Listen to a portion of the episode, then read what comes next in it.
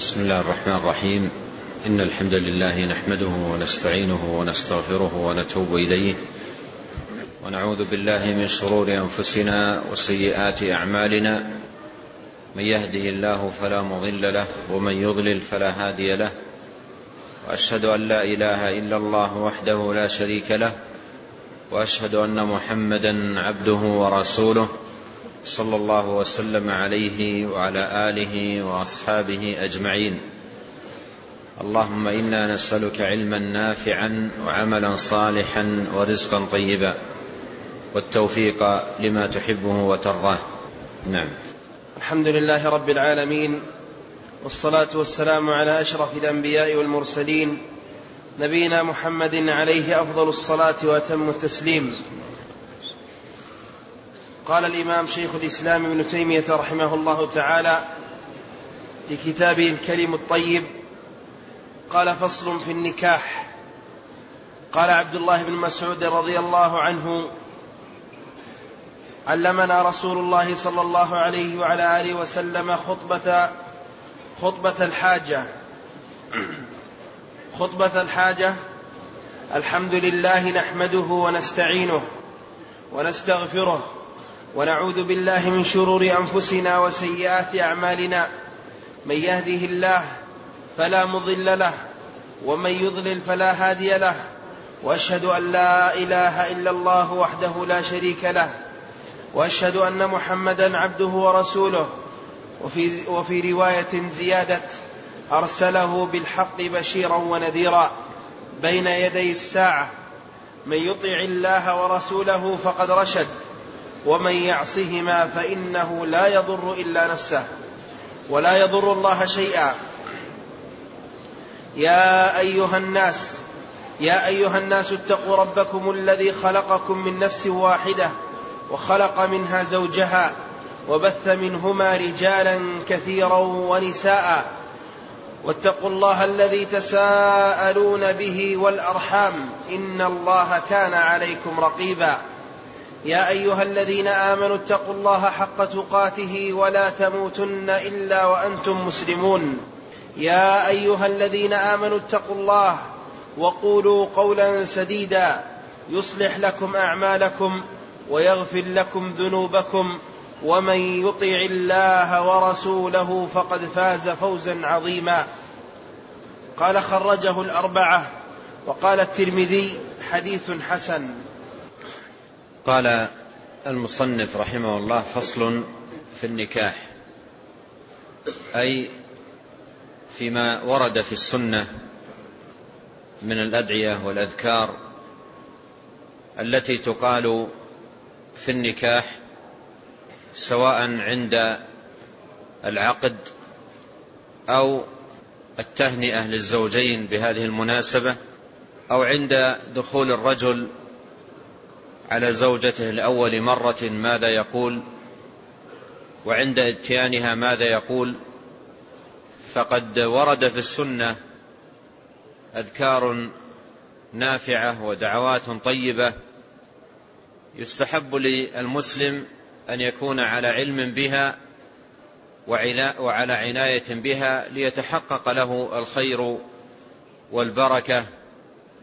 والمصنف رحمه الله في هذه الترجمة ساق بعض النصوص المتعلقة بهذا الباب. وينبغي أن يعلم أن النكاح منة عظيمة على عباده. والله جل وعلا ذكره في القرآن في سياق الامتنان والإنعام وبيان آياته تبارك وتعالى العظام. قال عز وجل ومن آياته أن خلق لكم من أنفسكم أزواجا لتسكنوا إليها وجعل بينكم مودة ورحمة إن في ذلك لآيات لقوم يتفكرون وفي سورة النحل التي يسميها بعض أهل العلم آية سورة النعم لكثرة ما عدد فيها تبارك وتعالى من نعمه ومننه التي أتمها على عباده وختم ذكر تلك النعم بقوله كذلك يتم نعمته عليكم لعلكم تسلمون. فساق جل وعلا في تلك السورة نعما عظيمة من ضمنها نعمة النكاح. كما قال عز وجل والله جعل لكم من أنفسكم أزواجا وجعل لكم من أزواجكم بنين وحفدة ورزقكم من الطيبات.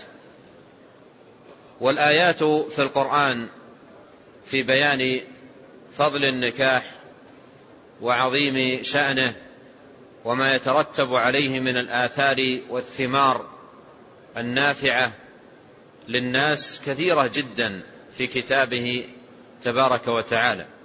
وكذلك السنة جاء فيها الأحاديث الكثيرة المرغبة في النكاح والمبينة لفضله والمبينة أيضا للحقوق الزوجية وآداب العشرة وما يتحقق به بركة النكاح وفائدته والأحاديث في هذا المعنى كثيرة والنكاح من سنن المرسلين ولقد أرسلنا رسلا من قبلك وجعلنا لهم أزواجا وذرية. وفيه من الفوائد العظام والمنافع الكبيرة ما يدل على عظيم مكانة النكاح وعظيم آثاره وثماره. وللنكاح آداب وله آداب جاء بيانها في كتاب الله عز وجل وسنة نبيه صلى الله عليه وسلم عناية المسلم بها تحقق بإذن الله تبارك وتعالى بركة في نكاحه. تحقق بركة في نكاحه بحيث يكون النكاح مبنيا على ذكر الله وعلى دعائه وعلى حسن الصلة به تبارك وتعالى. وعلى لزوم الأخلاق الحميدة والمعاشرة الطيبة والرحمة والمودة والإحسان وجعل بينكم مودة ورحمة. فهذه المعاني العظيمة وجودها في بيت الزوجية وبين الزوجين تحقق لهما الخير والبركة. ومن أعظم ما يكون في هذا الباب العناية بالأذكار والدعوات سواء المطلقة أو المتعلقة بالنكاح ذاته. والمصنف رحمه الله أورد هنا جملة من الأذكار والدعوات المتعلقة بالنكاح. فبدأ أولا بالعقد عقد النكاح. والخطبة التي يشرع ويستحب أن تقال بين يدي العقد والعقد إيجاب وقبول. العقد إيجاب وقبول. الأب أو الولي يزوج والناكح يقبل يقول قبلت. ويشرع بين يدي الإيجاب والقبول خطبة وقد جاء في السنة خطبة عظيمة. يشرع أن تقال بين يدي الإيجاب والقبول بين يدي عقد النكاح. خطبة عظيمة جامعة للخير كله وهي من جوامع كلم النبي عليه الصلاة والسلام ومن بديع بيانه صلوات الله وسلامه عليه. خطبة جليلة القدر عظيمة الشأن. لها مكانتها ومنزلتها في دين الله. عدها أهل العلم من جوامع كلم النبي الكريم صلوات الله وسلامه عليه. بل إنها جمعت قواعد الدين وأصول الإيمان وأسس الخير والفلاح. قال رحمه الله قال عبد الله بن مسعود قال عبد الله بن مسعود رضي الله عنه علمنا رسول الله صلى الله عليه وسلم خطبة الحاجة والخطبة بضم الخاء هي الكلام الذي فيه الحمد والثناء التعظيم لله جل وعلا. وأما الخطبة بالكسر فهي خطبة النكاح. قال علمنا رسول الله صلى الله عليه وسلم خطبة الحاجة. الحمد لله نحمده ونستعينه ونستغفره ونعوذ بالله من شرور أنفسنا وسيئات أعمالنا. من يهده الله فلا مضل له ومن يضلل فلا هادي له. وأشهد أن لا إله إلا الله وحده لا شريك له. وأشهد أن محمدا عبده ورسوله. إلى آخر الخطبة التي أوردها رحمه الله. يقول شيخ الإسلام بن تيمية رحمه الله في بعض رسائله في بيان ما اشتملت عليه هذا هذه الخطبة يقول رحمه الله فهذه الخطبة اشتملت على نظام عقد الإسلام والإيمان. أي أنها انتظمت في في بيانها وما قرر فيها شرائع الإسلام وعقائد الإيمان.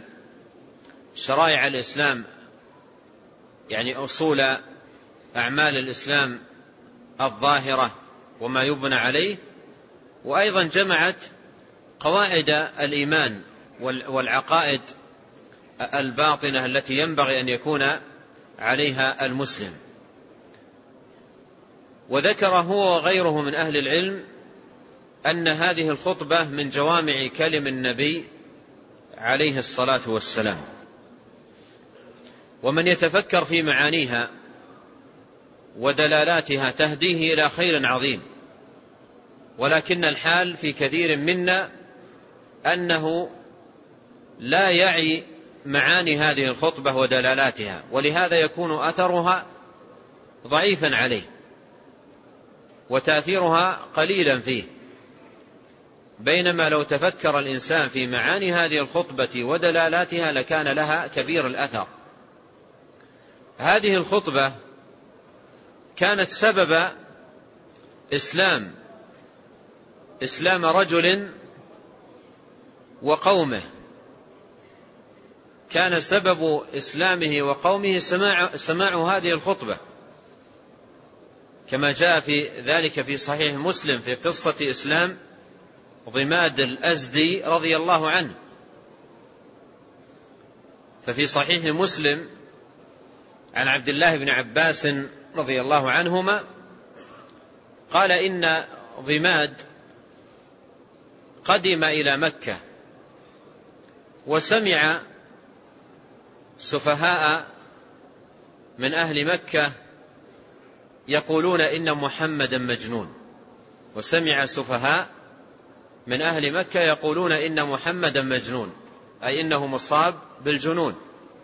وسمع هذه الكلمة تتكرر في الطرقات من سفهاء أهل مكة. فقال ضماد إنني أرقي من هذه الريح. وجاء في بعض الروايات إنني أرقي من هذه الأرواح. يعني أرقي من هو مصاب بجنون ولي عناية بالرقية في, في, في من هو مصاب بجنون. ثم قال لئن, رقيت لئن لقيت هذا الرجل لأرقينه لعل الله يشفيه على يدي. لئن لقيت هذا الرجل لأرقينه لعل الله يشفيه على يدي. يقول فلقيته. لقي ضماد الأزدي رسول الله صلى الله عليه وسلم. قال فلقيته. فقلت له إنني أرقي من هذه الريح. إنني أرقي من هذه الريح. وإن الله شفى على يدي من شاء من عبادة. فهل لك في ذلك؟ يعني تحب أن أقرأ عليك؟ لعل الله يشفيك من هذا الذي يعني يذكر أن, أن أنك مصاب به هل لك في ذلك؟ قال فقال رسول الله صلى الله عليه وسلم إن الحمد لله نحمده ونستعينه ونستغفره ونعوذ بالله من شرور أنفسنا وسيئات أعمالنا. من يهده الله فلا مضل له ومن يضلل فلا هادي له وأشهد أن لا إله إلا الله وحده لا شريك له وأن محمدا عبده ورسوله أما بعد. فقال ضماد أعد علي كلامك هذا. فعاده النبي صلى الله عليه وسلم عليه ثلاث مرات. فقال ضماد لقد سمعت كلام الكهنة وسمعت كلام الشعراء وسمعت كلام السحرة وما هذا من كلامهم؟ ليس هذا كلام شاعر ولا كلام كاهن ولا كلام ساحر. ما هذا من كلامهم؟ ولقد بلغ كلامك هذا قاموس البحر. ولقد بلغ كلامك هذا قاموس البحر. ما معنى قاموس البحر؟ يعني وصل كلامك إلى العمق دخل في الأعماق. مثل ما يقولون الآن كلام يدخل في الصميم. كلام يدخل في الصميم في العمق. يقول لقد بلغ كلامك هذا قاموس البحر. أي كلامك هذا دخل في الأعماق. أعطني يدك أبايعك على الإسلام. أعطني يدك أبايعك على الإسلام. وهو جاء ليقرأ عليه. لأنه سمع أنه مجنون والناس يتحدثون أنه مجنون وجاء ليقرأ عليه لعل الله يشفيه على يديه. فلما سمع هذا الكلام دخل هذا الكلام أعماق قلبه. فقال أعطني يدك أبايعك على الإسلام فقال النبي صلى الله عليه وسلم تبايعني عليك وعلى قومك؟ قال وعلى قومي. فبايعه وانطلق إلى إلى قومه مسلما. وانطلق إلى قومه مسلما. فانظر أثر هذه الكلمة في هذا الرجل وفي قومه. كانت سبب إسلامهم ودخولهم في هذا الدين. وكثير من الناس يسمع هذه الخطبة بين يدي خطبة الجمعة وكثير من الدروس ولكنها تكون ضعيفة الأثر والسبب في ذلك عدم الوقوف على معانيها ودلالاتها وما فيها من بيان لأصول الإسلام وقواعد الإيمان وانتظامها لأمور الدين. ولهذا تكون في كثير من الناس ضعيفة الأثر. قال علمنا رسول الله صلى الله عليه وسلم خطبة الحاجة. علمنا خطبة الحاجة هذا فيه مشروعية تعلم هذه الخطبة. وأن النبي عليه الصلاة والسلام كان يعلمها, يعلمها أصحابه.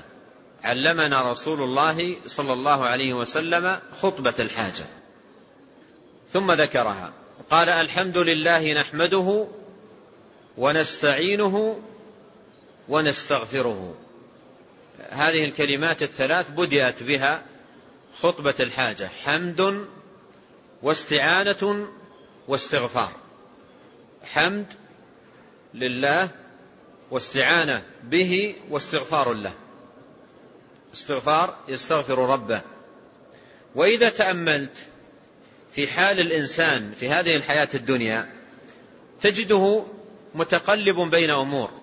إما نعم أنعم الله تبارك وتعالى عليه بها في ماله في صحته في دينه في عافيته في ولده.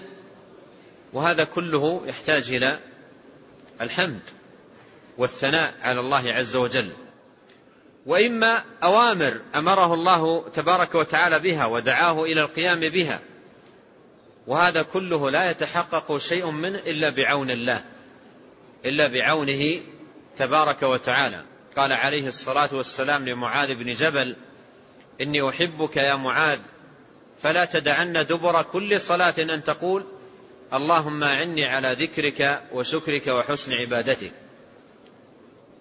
أو ذنوب يقع فيها العبد أو تقصير في واجبات أمر بها. فهذا مقام يحتاج إلى استغفار. يحتاج إلى استغفار.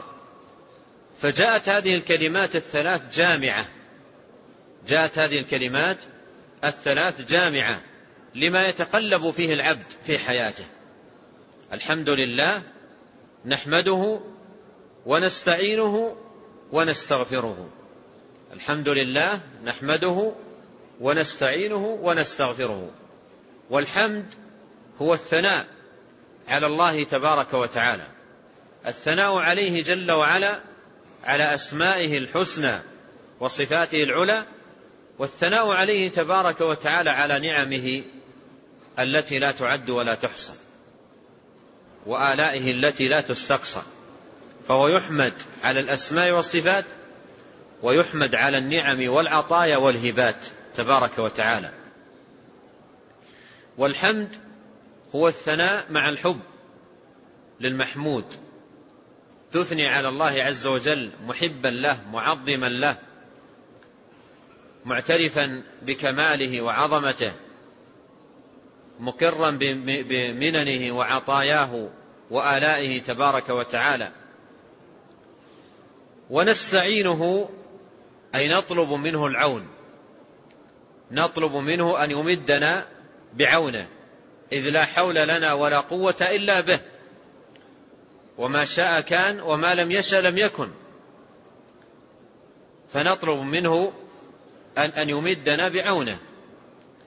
أمرنا بطاعته أمرنا بالقيام بمصالح ديننا ودنيانا ولا سبيل لنا إلى تحصيل شيء من ذلك إلا بعونه.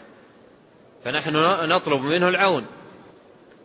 كما قال عز وجل إياك نعبد وإياك نستعين. العبادة غاية والاستعانة وسيلة. قال ونستغفره.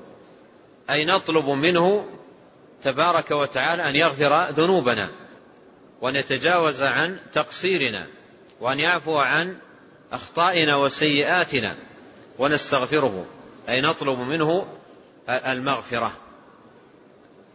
الحمد لله نحمده ونستعينه ونستغفره. ونعوذ بالله من شرور أنفسنا وسيئات أعمالنا. تعوذ هنا من شيئين. من شر النفس وسيئات العمل.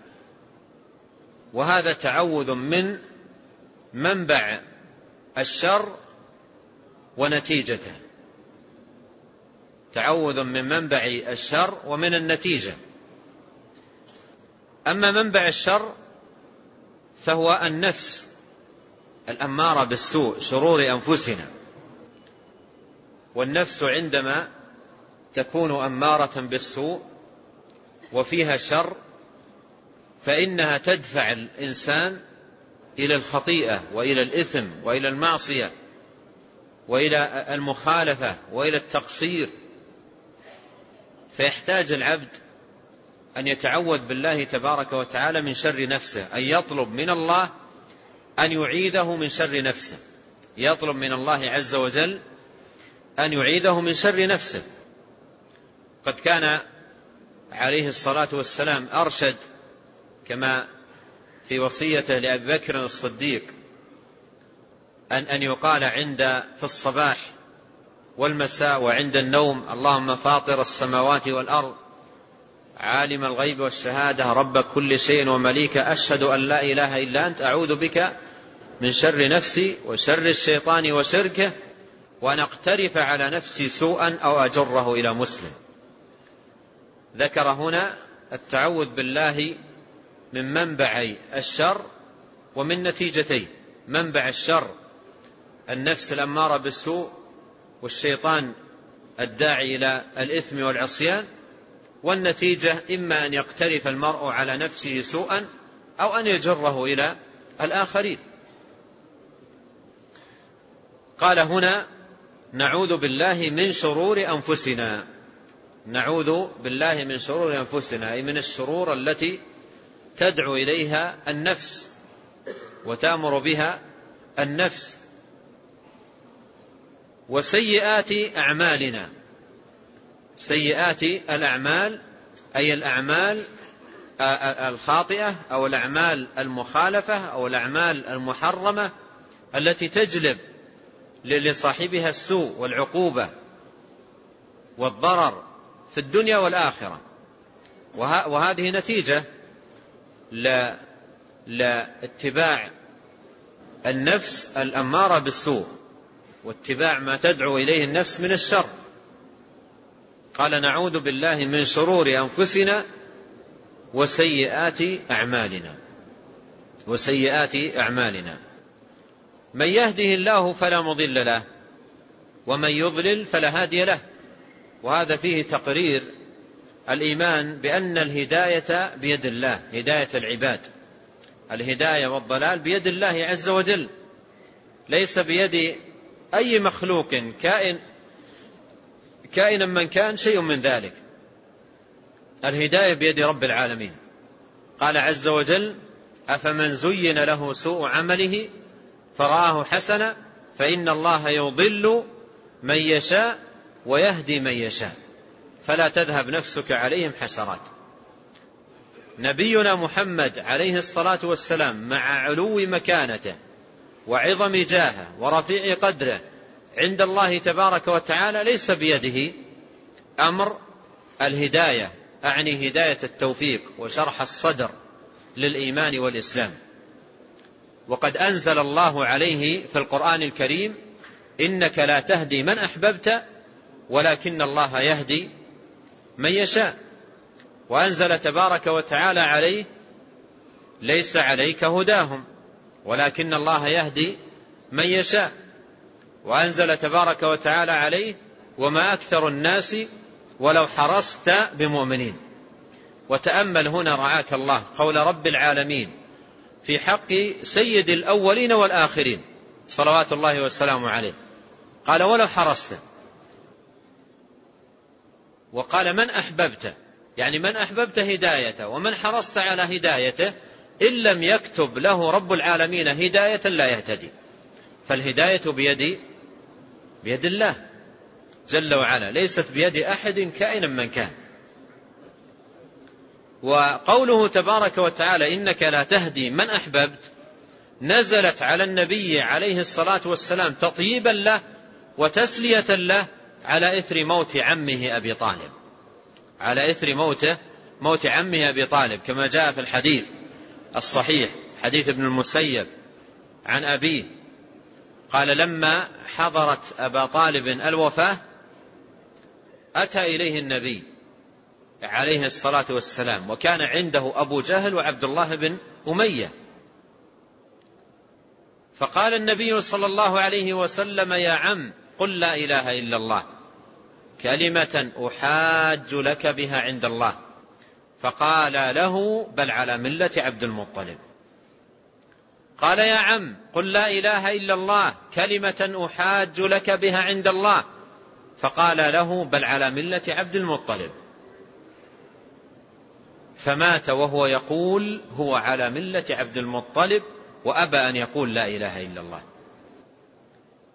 فقال عليه الصلاة والسلام لأستغفرن لك ما لم أنه عن ذلك. فأنزل الله قوله ما كان للنبي والذين آمنوا أن يستغفروا للمشركين ولو كانوا إلي قربى من بعد ما تبين لهم أنهم أصحاب الجحيم. وأنزل الله عليه إنك لا تهدي من أحببت ولكن الله يهدي من يشاء. كان عليه الصلاة والسلام شديدا أشد الحرص محبا عظيم الحب أن يهتدي عمه. وعمه من هو؟ عمه هو ذلك الرجل الذي تكفل بتربية النبي عليه الصلاة والسلام ورعايته من الثامنة.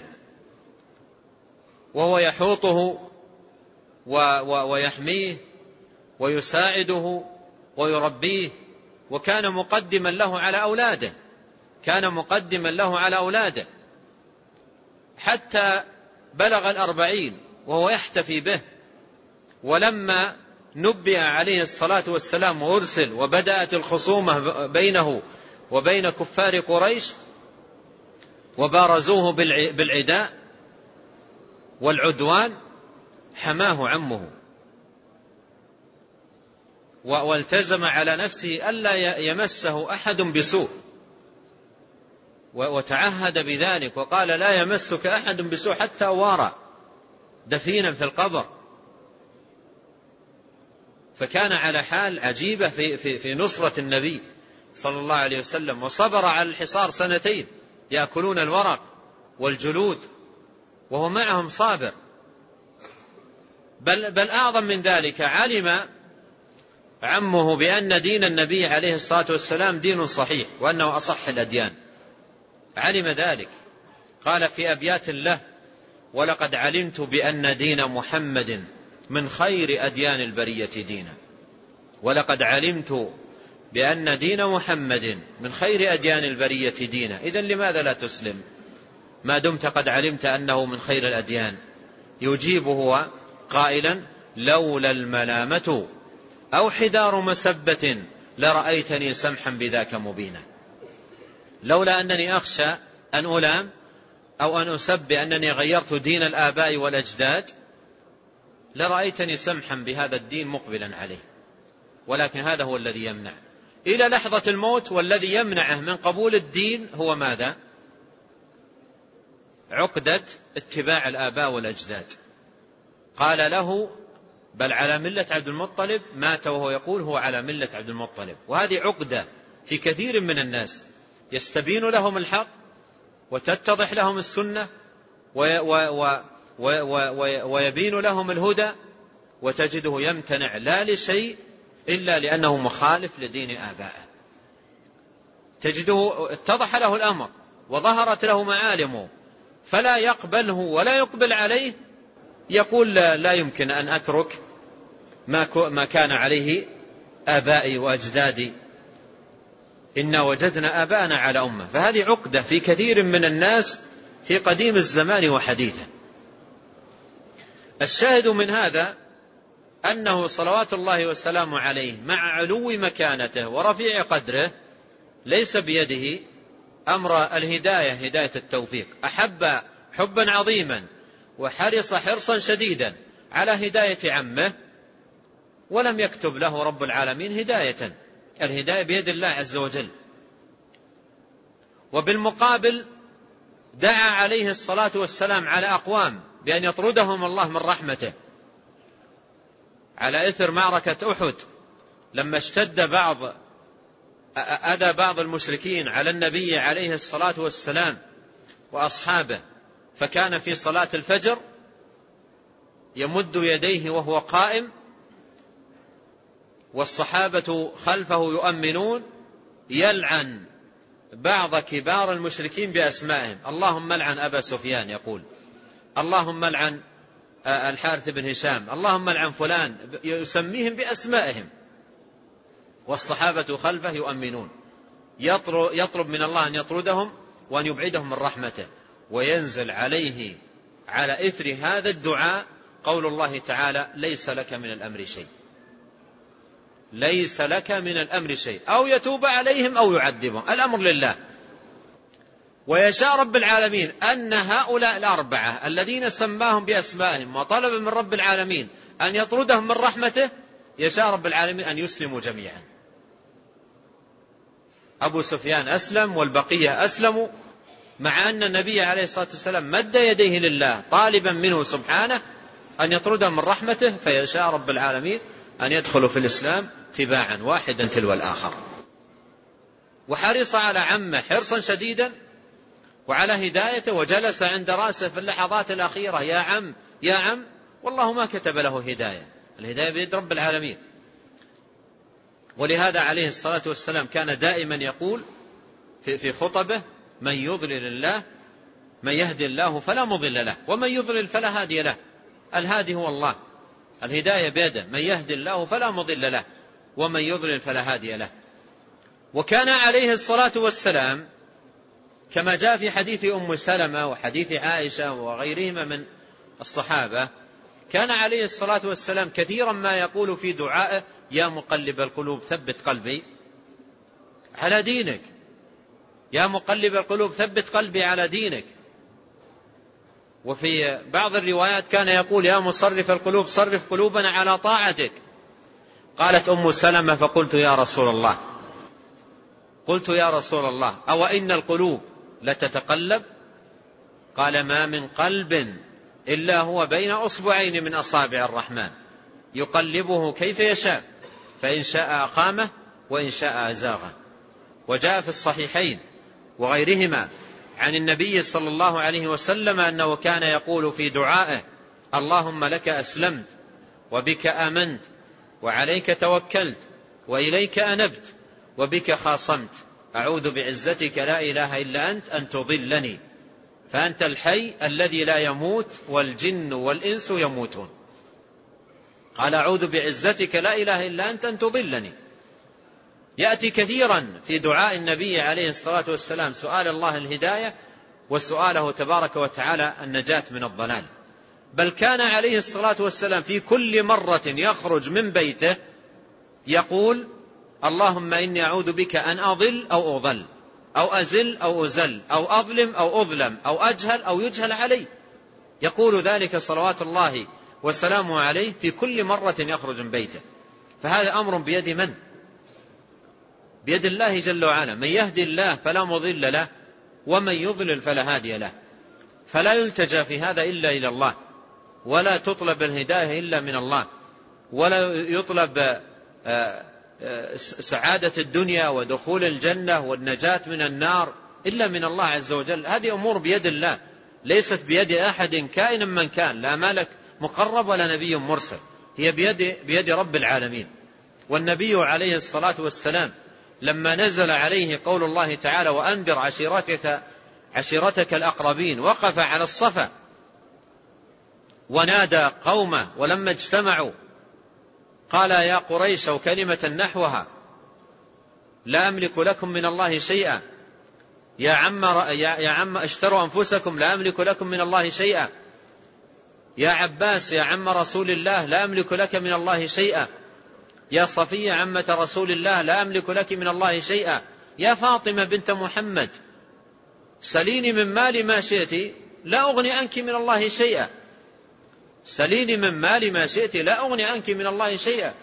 الأمر لله سبحانه وتعالى من قبل ومن بعد.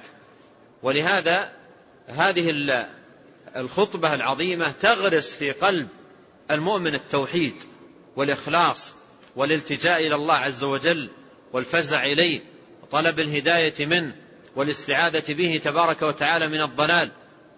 كل هذه معاني عظام كبار جليلة تغرسها هذه الخطبة العظيمة. لكن إذا كان الإنسان يقرأ هذه الكلمات ولا يعي معناها ولا يحقق دلالتها لا يكون لها أي أثر عليه. لا يكون لها أي أثر عليه. وكان عليه الصلاة والسلام يكرر عليهم هذه الخطبة ويسمعونها منه كثيرا صلوات الله وسلامه عليه. كل ذلك لغرس الإيمان وغرس التوحيد وغرس هذه المعاني العظيمة وتمكين لها في, في, في, في قلوب أهل الإيمان. قال من يهدي الله فلا مضل له ومن يضلل فلا هادي له. من يهدي الله أي من كتب الله له الهداية.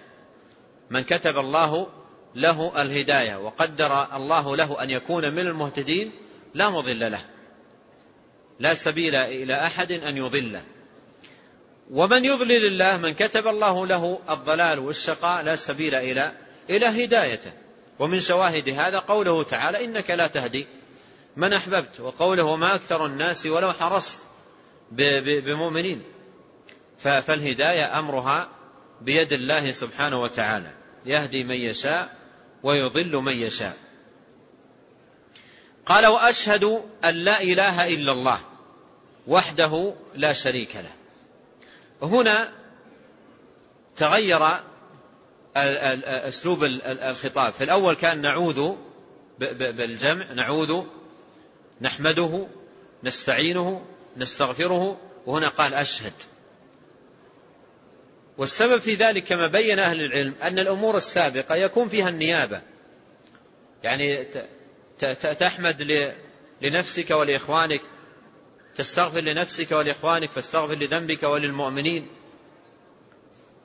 تطلب العون لك ولإخوانك. اللهم أعنا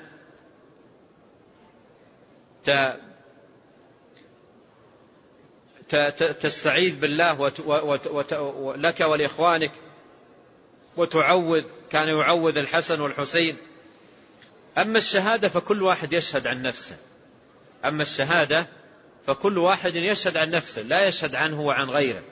وإنما هذه شهادة لما قام في قلب الإنسان من التوحيد والإيمان والإقرار بالرسالة فهذه كل يشهد عن نفسه. أما المعاني الأولى فهي طلب أمور يطلبها العبد فيطلبها لنفسه ولغيره. يطلبها لنفسه ولغيره. وإذا دعا المسلم لغيره فإن ملكا وكل الله عز وجل إليه أن يقول ولك بمثل ذلك ويندب للمسلم أن يدعو له ولإخوانه. فهذه أمور يكون فيها آه، اشتراك يدعو الإنسان لنفسه بالمغفرة بالعون بالهداية إلى غير ذلك يطلبها لنفسه ولغيره. أما الشهادة فهي إقرار لما إقرار من العبد لما قام في قلبه. من الإيمان والتوحيد والإقرار بالرسالة للنبي الكريم عليه الصلاة والسلام. قال وأشهد أن لا إله إلا الله وحده لا شريك له.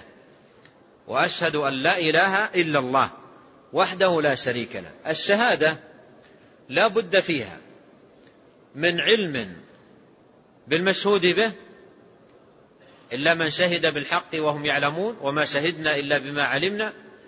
لا بد من علم بالمشهود به ولا بد من صدق.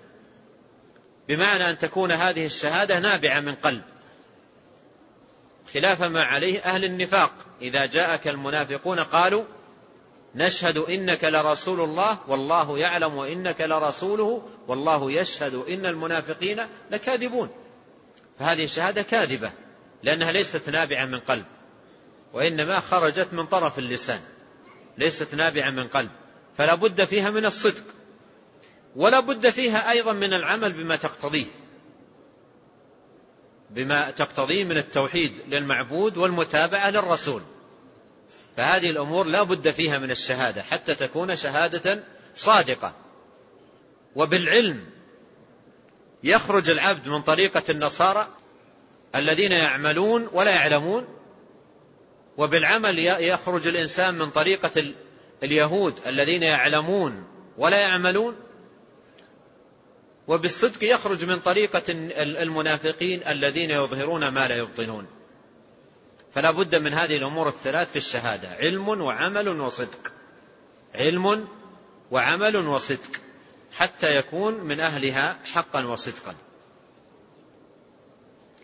قال وأشهد أن لا إله إلا الله وحده لا شريك له. أشهد أن لا إله إلا الله أقر وأذعن وأعترف وأعلن أنه لا إله إلا الله. أي لا معبود بحق إلا هو جل وعلا. وهذه الكلمة لا إله إلا الله هي كلمة التوحيد التي عليها قيام الدين وبناؤه. ولا يقوم الدين إلا على هذه الكلمة. فهي أساس بناء الدين وقاعدة قيامه. وأساس نظامه. ولا ينتظم أمر الدين إلا بها. أشهد أن لا إله إلا الله. وهي مشتملة على ركنين لا توحيد إلا بهما. نفي عام في أولها وإثبات خاص في آخرها. نفي عام في أولها لا إله. نفي للعبودية عن كل من سوى الله. وإثبات خاص في آخرها بإثبات العبودية بكل معانيها لله وحده. فلا يكون العبد موحدا إلا بهذا النفي والإثبات. فمن نفى ولم يثبت لا يكون موحدا ومن أثبت ولم ينفي لا يكون موحدا ولا توحيد إلا بالنفي والإثبات. لا إله إلا الله. النفي فيه البراءة من الشرك والخلوص منه والإثبات فيه الإخلاص بالعبادة والتوحيد لله عز وجل. كما قال رب العالمين اعبدوا الله ولا تشركوا به شيئا. وكما قال جل وعلا وما أمروا إلا ليعبدوا الله مخلصين له الدين. والآيات في هذا المعنى كثيرة إنني براء مما تعبدون إلا الذي فطرني. فمن يكفر بالطاغوت ويؤمن بالله فقد استمسك بالعروة الوثقى. وقضى ربك ألا تعبدوا إلا إياه. اعبدوا الله ما لكم من إله غيره. قل تعالوا أتل ما حرم ربكم عليكم ألا تشركوا به شيئا. كل هذا معنى تقرير لمعنى لا إله إلا الله. فلا إله إلا الله تعني إخلاص العبادة لله تبارك وتعالى. والبراءة من الشرك والخلوص منه. لا إله إلا الله. وهي لا تنفع قائلها إلا إذا فهم معناها وحقق ما تدل عليه. أما مجرد النطق بهذه الكلمات فإنه لا يفيد. لا يفيد إلا الفهم لمعنى هذه الكلمة وتحقيق ما دلت عليه من الإخلاص والتوحيد لله جل وعلا. وكفار قريش كانوا يفهمون ما تعني هذه الكلمة. ولهذا لما كان عليه الصلاة والسلام يقول لعمه يا عم قل لا إله إلا الله. ماذا قالوا له؟ بل على ملة عبد المطلب. لأنهم يعرفون أن لا إله إلا الله تهدم ملة عبد المطلب. وملة عبد المطلب هي عبادة غير الله. ليست ملة عبد المطلب إنكار وجود الله هو يؤمن بأن الله موجود. وليست ملة عبد المطلب إنكار أن الخالق هو الله. هو يؤمن بأن الخالق الرب هو, هو الله عز وجل. ولهذا لما جاء أبرهة لهدم الكعبة ماذا قال في القصة المشهورة؟ قال أنا رب الإبل وللبيت رب يحميه ويؤمن بوجود الله وأنه الرب الخالق الرازق لكنه يعبد معه غيره ما نعبدهم إلا ليقربون إلى الله زلفى. ولهذا لما قال عليه الصلاة والسلام, والسلام لهم. قولوا لا إله إلا الله تفلحوا. قالوا أجعل الآلهة إلها واحدا. إن هذا لشيء عجاب. وانطلق الملأ منهم أن امشوا واصبروا على آلهتكم إن هذا لشيء يراد. يتواصون بالصبر على الآلهة. بل وأخذوا يتفاخرون بينهم بهذا الصبر الذي تحلوا به. قالوا إن كاد ليضلنا عن آلهتنا لولا أن صبرنا عليها. يعني لولا أننا تحلينا بالصبر لأضلنا عن آلهتنا. فيعرفون أن لا إله إلا الله تعني البراءة من من الشرك وإخلاص العبادة لله. بأن لا يدعى إلا الله ولا يسأل إلا الله ولا يستغاث إلا بالله ولا يذبح إلا لله ولا يطلب المدد والعون إلا من الله. يعرفون ذلك. ولهذا لما طلب منهم عليه الصلاة والسلام أن يقولوا لا إله إلا الله امتنعوا. إنهم كانوا إذا قيل لهم لا إله إلا الله يستكبرون ويقولون أئنا لتاركوا آلهتنا لشاعر مجنون. آلهتنا أي معبوداتنا التي نعبدها. فكانوا يعرفون يعرفون المعنى. الشاهد أن لا إله إلا الله لا بد مع النطق بها من معرفة ما تدل عليه وتحقيق ما تدل عليه من التوحيد والإخلاص لله تبارك وتعالى والبراءة من الشرك كله قليله وكثيره وإذا كان الإنسان يقول لا إله إلا الله ولا يدري ما معناها ولا ما تدل عليه فلا تستغرب أن تراه يوما مادا يديه قائلا مدد يا فلان أغثني يا فلان إن لم تدركني يا فلان من الذي يدركني؟ أنا لا إذن بك بل بعضهم يقول في بعض المخلوقين أنا عبدك ابن عبدك. وأنا ملتجئ إليك وأنا الكثير بين يديك وأنا المتذلل عند أعتابك وأنا كذا وأنا كذا وأنا كذا. ويقول في الوقت نفسه لا إله إلا الله أين هو منها؟ أين هو من معناها؟ أين هو من حقيقتها؟ لما كان في الناس من يقول لا إله إلا الله ولا يدري ما تعني هذه الكلمة انخرطوا في مثل هذه الأعمال المناقضة للا إله إلا الله المضادة للا إله إلا الله المتنافية مع كلمة التوحيد لا إله إلا الله. ولهذا لابد أن يفهم معنى هذه الكلمة العظيمة التي هي أجل الكلمات على الإطلاق. وأسأل الله العظيم رب العرش العظيم بأسماء الحسنى وصفاته العلى أن يجعلنا أجمعين من أهل لا إله إلا الله حقا وصدقا. وأن يحيينا عليها وأن يميتنا عليها وأن يجعلها سببا لدخولنا جنات النعيم. قال وأشهد أن لا إله إلا الله وحده لا شريك له. وأشهد أن لا إله إلا الله وحده لا شريك له. لما كان مقام التوحيد الذي دلت عليه لا إله إلا الله أعظم المقامات وأجلها أكده تأكيدا عظيما واعتنى به عناية كبيرة بقوله وحده لا شريك له. وحده لا شريك له. فقوله وحده هذا تأكيد للإثبات الذي دلت عليه لا إله إلا الله. وقوله لا شريك له هذا تأكيد للنفي الذي دلت عليه لا إله إلا الله. نحن عرفنا أن لا إله إلا الله قامت على نفي وإثبات. النفي في أولها لا إله والإثبات في آخرها إلا الله. فأكدهما بقوله وحده لا شريك له. ولهذا كان عليه الصلاة والسلام في يوم عرفة الذي هو سيد الأيام وخيرها يكثر من من قول هذه الكلمة بمؤكداتها. بمؤكداتها. كما في الحديث قال عليه الصلاة والسلام خير الدعاء دعاء يوم عرفة وخير ما قلته أنا والنبيون من قبلي لا إله إلا الله وحده لا شريك له له الملك وله الحمد وهو على كل شيء قدير. ويأتي تأتي هذه المؤكدات لكلمة التوحيد في في أحاديث كثيرة جدا مر علينا كثير منها. ومن أعظم ذلكم ما يشرع للمسلم أن يقوله أدبار الصلوات المكتوبة. أنت يشرع لك أدبار الصلوات المكتوبة كما مر معنا في الحديث. أن تقول آه، كلمة التهليل ثلاث مرات متبعا لها بتحقيق لمعناها وتأكيد لمدلولها لا إله إلا الله وحده لا شريك له له الملك وله الحمد على كل شيء قدير. لا إله إلا الله ولا نعبد إلا إياه له النعمة وله الفضل وله الثناء الحسن. لا إله إلا الله مخلصين له الدين ولو كره الكافرون. هذه تهليلات ثلاث. يشرع لنا أن نقولها أدبار الصلوات المكتوبة وكلها غرس للتوحيد وتمكين له في القلوب وتوسيع لمساحته في النفوس. تكرر التهليل مع مؤكداته. لا إله إلا الله وحده لا شريك له. الثانية لا إله إلا الله مخلصين له الدين. الثانية لا إله إلا الله ولا نعبد إلا إياه. الثالثة لا إله إلا الله مخلصين له الدين.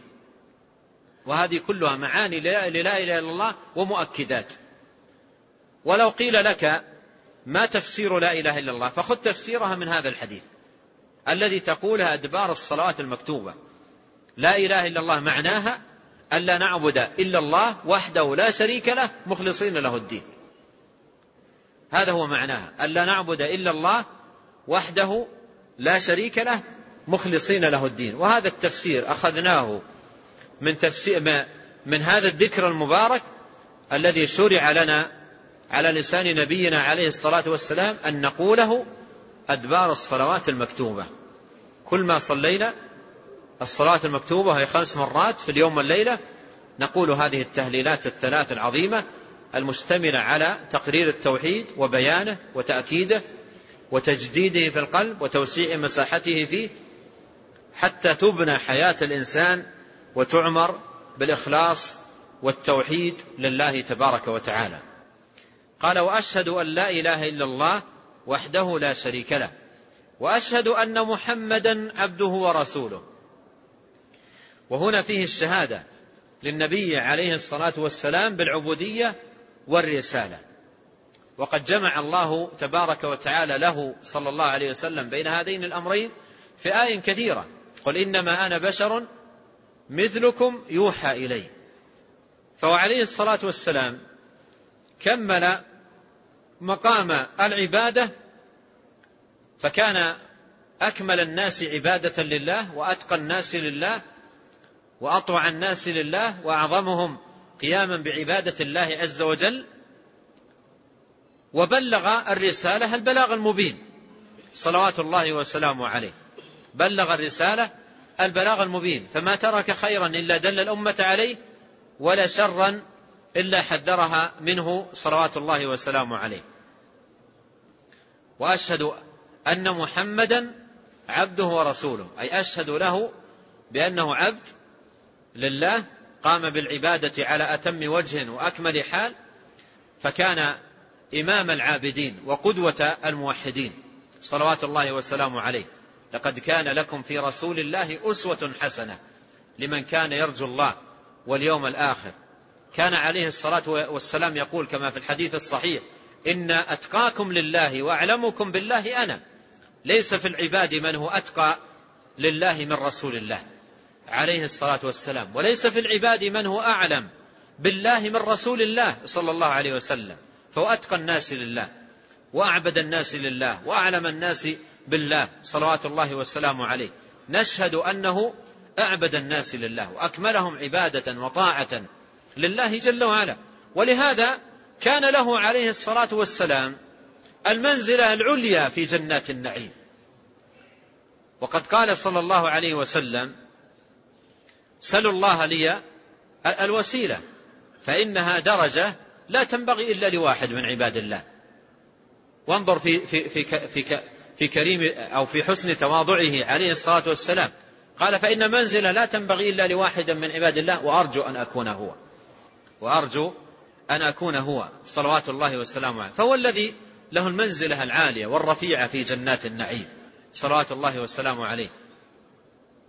فنشهد له بأنه عبد لله كمل مقام العبودية.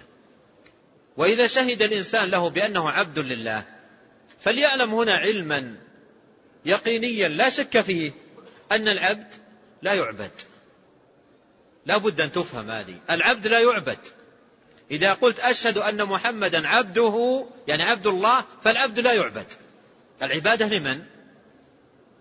العبادة لله سبحانه وتعالى. العبد لا يعبد. العبادة لله. ولهذا كان عليه الصلاة والسلام إذا رأى في الناس شيئا يخالف مقامه الذي هو مقام العبودية أنكر ذلك. صلوات الله وسلامه عليه. بل, بل حتى التسوية في الألفاظ بينه وبين الله ما كان يقبلها. سمع رجلا يقول ما شاء الله وشئت. هل هذا الرجل لما قال ما شاء الله وشئت هل كان معتقدا أن مشيئة النبي عليه الصلاة والسلام مساوية لمشيئة الله. هل كان معتقدا ذلك؟ لا والله. ولكنه في اللفظ سوى مشيئة النبي عليه الصلاة والسلام بمشيئة الله. في اللفظ ليس في العقيدة. في لفظه فقط ليس في عقيدته. فقال النبي عليه الصلاة والسلام أجعلتني لله ندا؟ قل ما شاء الله وحده. ولما جيء له بذلك الأسير لما جيء له بذلك الأسير وأعلن توبته عند النبي عليه الصلاة والسلام قال معلنا توبته إني تائب إلى الله ولا أتوب إلى محمد. إني أتوب إلى الله ولا أتوب إلى محمد. قال عليه الصلاة والسلام عرف الحق لأهله. عرف الحق لأهله. التوبة إلى الله توبوا إلى الله جميعا. أيها المؤمنون لعلكم تفلحون. التوبة عبادة يتقرب بها إلى المعبود التوبة إلى الله. قال عرف الحق لأهله. ولما سمع أقواما يطرونه عليه الصلاة والسلام قال ما أحب أن تنزلوني فوق منزلتي التي أنزلني الله إياها. منزلة العبودية صلوات الله وسلامه عليه. وجاء عنه في الحديث الصحيح أنه قال لا تطروني كما أطرت النصارى عيسى ابن مريم فإنما أنا عبد فإنما أنا عبد. فقولوا عبد الله ورسوله. لا تطروني كما أطرت النصارى عيسى ابن مريم. فكان عليه الصلاة والسلام من كمال نصحه وتمام بيانه صلوات الله وسلامه عليه يغلق المنافذ التي توصل إلى الغلو بالمخلوقين ومن ثم إلى الشرك برب العالمين. يغلق المنافذ. كل ما وجد منفذ أغلقه صلوات الله وسلامه عليه حماية لحمى التوحيد وصيانة لجنابه العظيم ومقامه الرفيع. سمع مرة امرأة أنصارية تمدحه عليه الصلاة والسلام وتثني عليه. قالت في مدحها له وفينا رسول الله يعلم ما في غد. فغضب عليه الصلاة والسلام وقال لا يعلم ما في غد إلا الله. وفينا رسول الله يعلم ما في غد. فقال لا يعلم ما في غد إلا الله. ثم ترى في في في في, في من يغالون في المدح في من يغالون في المدح من يأتون بشيء أعظم من هذا الذي قالته هذه المرأة أو غيرها مما أنكره صلوات الله والسلام عليه. كقول من قال مادحا رسول الله عليه الصلاة والسلام يا أكرم الخلق يقول مادحا للنبي صلى الله عليه وسلم يا أكرم الخلق ما لي من ألوذ به سواك. عند حلول الحادث العمم وإن من جودك أي يا رسول الله وإن من جودك الدنيا وضرتها الآخرة. ضرة الدنيا الآخرة وإن من جودك الدنيا وضرتها. وإن من علومك علم اللوح والقلم.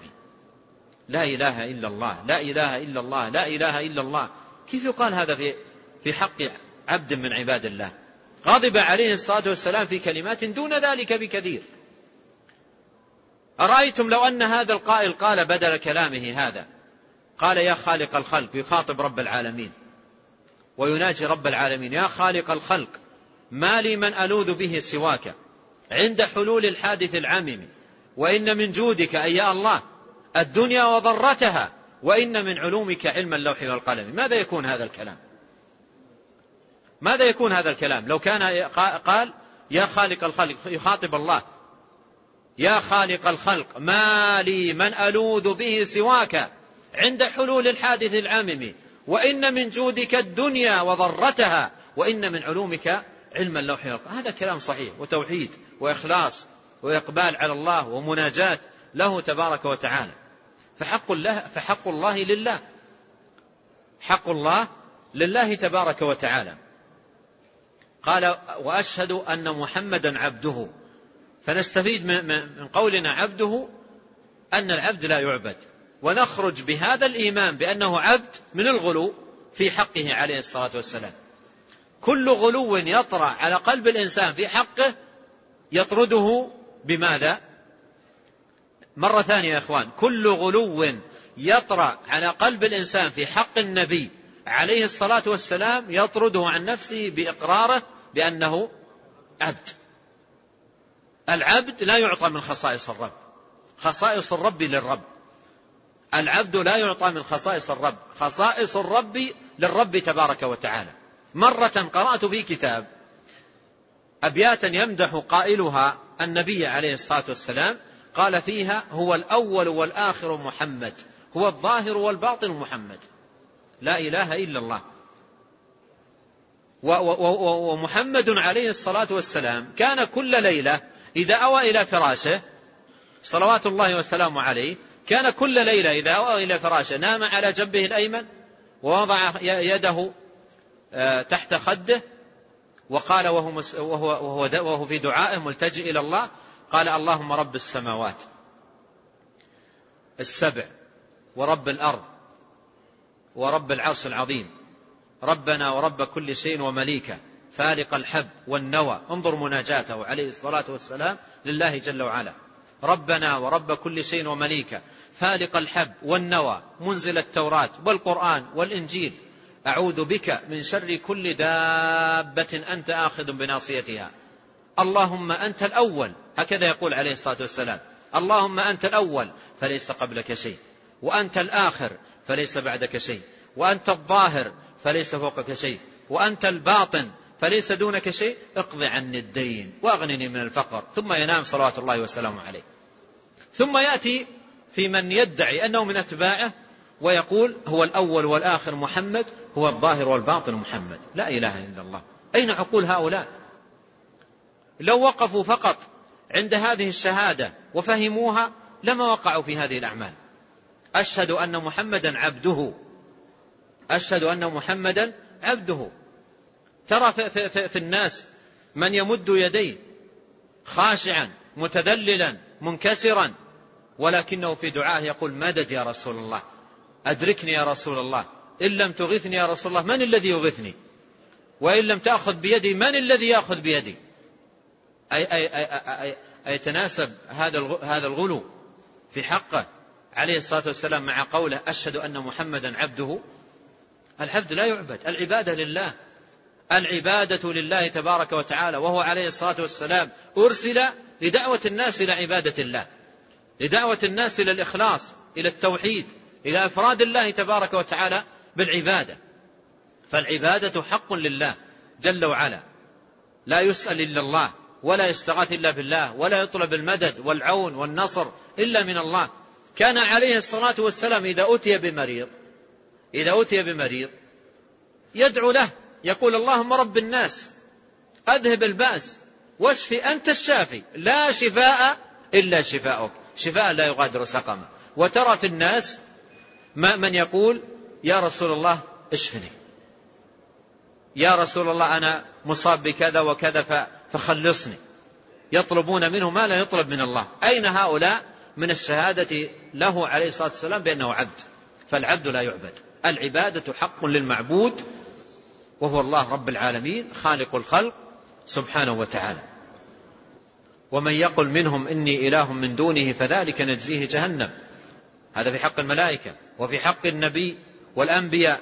قال ولقد أوحي إليك والذين من قبلك لئن أشركت ليحبطن عملك ولتكونن من الخاسرين. بل الله فاعبد وكن من الشاكرين. وما قدر الله حق قدره. والأرض جميعا قبضته يوم القيامة. والسماوات مطويات بيمينه. سبحانه وتعالى عما يشركون. وأشهد أن محمدا عبده ورسوله. أي وأشهد له بالرسالة. وهذا فيه الشهادة له عليه الصلاة والسلام. بأنه بلغ الرسالة البلاغ المبين. فما ترك خيرا إلا دل الأمة عليه ولا شرا إلا حذرها منه. ومن شهد له عليه الصلاة والسلام بالرسالة فإن الواجب عليه أن يطيعه. وما أرسلنا من رسول إلا ليطاع. وما أرسلنا من رسول إلا ليطاع بإذن الله. الرسل أرسلوا ليطاعوا ليتبعوا ليقتدى بهم لتقتفى آثارهم ليسار على منهاجهم. ليكونوا قدوة للناس. لقد كان لكم في رسول الله أسوة حسنة. ولهذا الشهادة له عليه الصلاة والسلام بالرسالة تعني طاعته فيما أمر وتصديقه فيما أخبر والانتهاء عما نهى عنه وزجر وأن لا يعبد الله إلا بما شرع عليه الصلاة والسلام. ولاحظ هنا ملاحظة مفيدة ينفعك الله بها. وهي أن في قولك أشهد أن محمدا عبده ورسوله تحقيق للوسطية في في حقه عليه الصلاة والسلام وسلامة من الغلو والجفاء. في قولك وأشهد أن محمدا عبده ورسوله تحقيق للوسطية في حقه عليه الصلاة والسلام وخروج من الغلو والجفاء. في قولك أشهد أن أن محمدا عبده خروج من ماذا؟ الغلو. وفي قولك ورسوله خروج من الجفاء. فهو عبد فلا نغلو فيه وهو رسول فلا نجف في حقه. بل نطيعه ونتبعه ونقتدي به ونسير على منهاجه. فالغلو مذموم والجفاء مذموم والتوسط هو المطلوب. احذر الغلو واحذر الجفاء. الجفاء باطل الجفاء مذموم الجفاء يضر بصاحبه أشد الضرر. والغلو أيضا خطر على الإنسان أشد الخطر. والمطلوب التوسط. والله عز وجل قال في القرآن وكذلك جعلناكم أمة وسطا ويقال خيار الأمور أوساطها لا تفريطها ولا إفراطها لا غلو ولا جفاء فينتفي الغلو بتحقيق الإيمان بأنه عبد لله وينتفي الجفاء بتحقيق الإيمان بأنه رسول من عند الله صلوات الله وسلامه عليه. قال وأشهد أن محمدا عبده ورسوله قال وفي رواية زيادة وهي عند أبي داود وغيره أرسله بالحق بشيرا ونذيرا.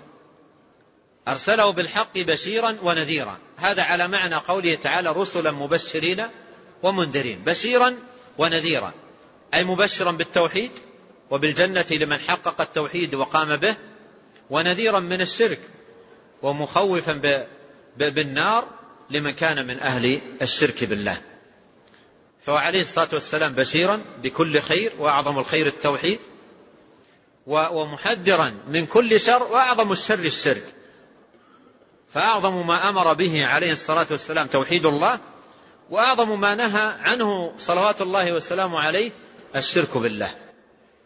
قال بشيرا ونذيرا بين يدي الساعة وهذا المعنى يدل عليه قوله عليه الصلاة والسلام بعثت بين آه، بين يدي الساعة.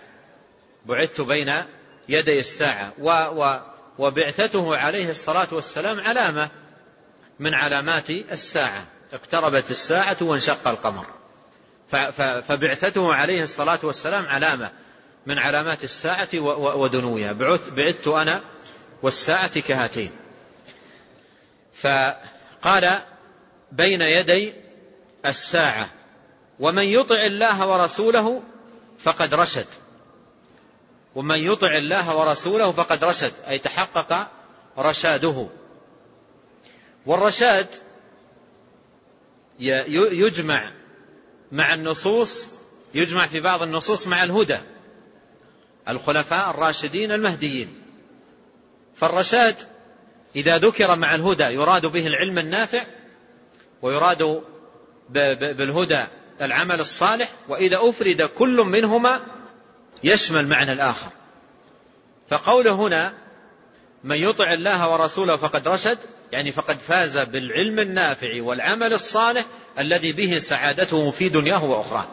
فطاعة الله وطاعة رسوله فيها الرشاد أي فيها تحصيل الإنسان للعلم النافع والعمل الصالح الذي به سعادة العبد في دنياه وأخراه. قال تعالى هو الذي أرسل رسوله بالهدى ودين الحق ليظهره على الدين كله. وكفى بالله شهيدا. من يطع الله ورسوله فقد رشد ومن يعص ومن يعصهما فإنه لا يضر إلا نفسه ولا يضر الله شيئا. وهذا المعنى أيضا معنى عظيم. من يعص الله ورسوله فإنه لا يضر إلا نفسه يعني بعصيانه لله لا لا يضر إلا نفسه. أما الله عز وجل فلا تنفعه طاعة الطائعين ولا تضره معصية العاصين. فهو جل وعلا يقول في الحديث القدسي يا عبادي إنكم لن تبلغوا نفعي فتنفعوني ولن تبلغوا ضري فتضروني. وقال سبحانه في الحديث نفسه يا عبادي لو أن أولكم وآخركم وإنسكم وجنكم كانوا على أتقى قلب رجل منكم ما زاد ذلك في ملكي شيئا. ولو أن أولكم وآخركم وإنسكم وجنكم كانوا على أفجر قلب رجل منكم ما نقص ذلك من ملكي شيئا. فهو سبحانه لا تنفعه طاعة من أطاع ولا تضره معصية من عصى. من اهتدى فإنما يهتدي لنفسه ومن ضل فإنما يضل عليها. فهنا قال ومن يعصهما يعني من يعصي الله ورسوله فإنه لا يضر إلا نفسه. فإنه لا يضر إلا نفسه أي لا يضر الله كما قال هنا قال ولا يضر الله شيئا. لأنه سبحانه وتعالى لو كان الخلق من أولهم إلى آخرهم على أفجر قلب رجل منهم ما نقص ذلك من ملك الله شيئا لأنه لا يضره معصية العاصين. كما أنه تبارك وتعالى لا تنفعه طاعة الطائعين. فهذه معاني عظيمة وصحيحة جاءت في هذه الرواية. لكن محقق الكتاب نبه إلى ضعف هذه الزيادة وأن في إسنادها رجل مجهول فهي لم تثبت عن النبي عليه الصلاة والسلام. والمعاني التي اشتملت عليها هذه الزيادة هي من حيث المعنى معاني صحيحة وتامة وكاملة وشواهدها ودلائلها في الكتاب والسنة كثيرة جدا. إلا ما جاء في قوله ومن يعصهما وهو الجمع بين الله عز وجل والنبي عليه الصلاة والسلام في في في في في, في, في ضمير واحد ضمير المثنى. وقد سمع عليه الصلاة والسلام كما في صحيح مسلم خطيبا يقول من يطع الله ورسوله فقد رشد ومن يعصيهما فقد غوى. فقال بئس خطيب القوم أنت. بئس خطيب القوم أنت. فهذه يعني هذه اللفظة فيها مخالفة لما جاء في في حديث النبي عليه الصلاة والسلام في صحيح مسلم الذي أنكر فيه على الخطيب قوله ومن يعصهما فقد غوى. وأما المعاني التي اشتملت عليها هذه الزيادة فهي معاني عظيمة وكاملة وتامة ودلائلها وشواهدها في الكتاب والسنة كثيرة. ثم قال يا أيها الناس اتقوا ربكم الذي خلقكم من نفس واحدة وخلق منها زوجها وبث منهما رجالا كثيرا ونساء واتقوا الله الذي تساءلون به والأرحام إن الله كان عليكم رقيبا. يا أيها الذين آمنوا اتقوا الله حق تقاته ولا تموتن إلا وأنتم مسلمون. وقال يا أيها الذين آمنوا اتقوا الله وقولوا قولا سديدا يصلح لكم أعمالكم ويغفر لكم ذنوبكم ومن يطع الله ورسوله فقد فاز فوزا عظيما. والكلام على هذه الآيات يحتاج إلى شيء من الوقت وكأني بنظرات الإخوة تقول إنك أطلت فأرجو المعذرة والعفو والصفح. هذه أيام الأيام العشر أيام عفو وصفح. فتسامحونني وتعفون عني لوجه الله عز وجل. على الإطالة وعلى الإثقال وعلى إتعابكم في هذا الوقت الباكر. وأسأل الله جل وعلا أن يثيبكم أجمعين وأن يجعلنا وإياكم من عباده المتقين وأن يتقبل منا أعمالنا وأن يهدينا جميعا سواء السبيل وأن يصلح لنا ديننا الذي هو عصمة أمرنا وأن يصلح لنا دنيانا التي فيها معاشنا وأن يصلح لنا آخرتنا التي فيها معادنا وأن يجعل الحياة زيادة لنا في كل خير والموت راحة لنا من كل شر. ونسأله تبارك وتعالى بأسمائه الحسنى وصفاته العلى وبأنه الله الذي لا إله إلا هو الذي وسع كل شيء رحمة وعلما أن يعيننا على صالح الأعمال وسديد الأقوال في هذه الأيام العشر الفاضلة المباركة. وأن يعيننا على طاعته في كل وقت وحين. إنه تبارك وتعالى سميع الدعاء وهو أهل الرجاء وهو حسبنا ونعم الوكيل.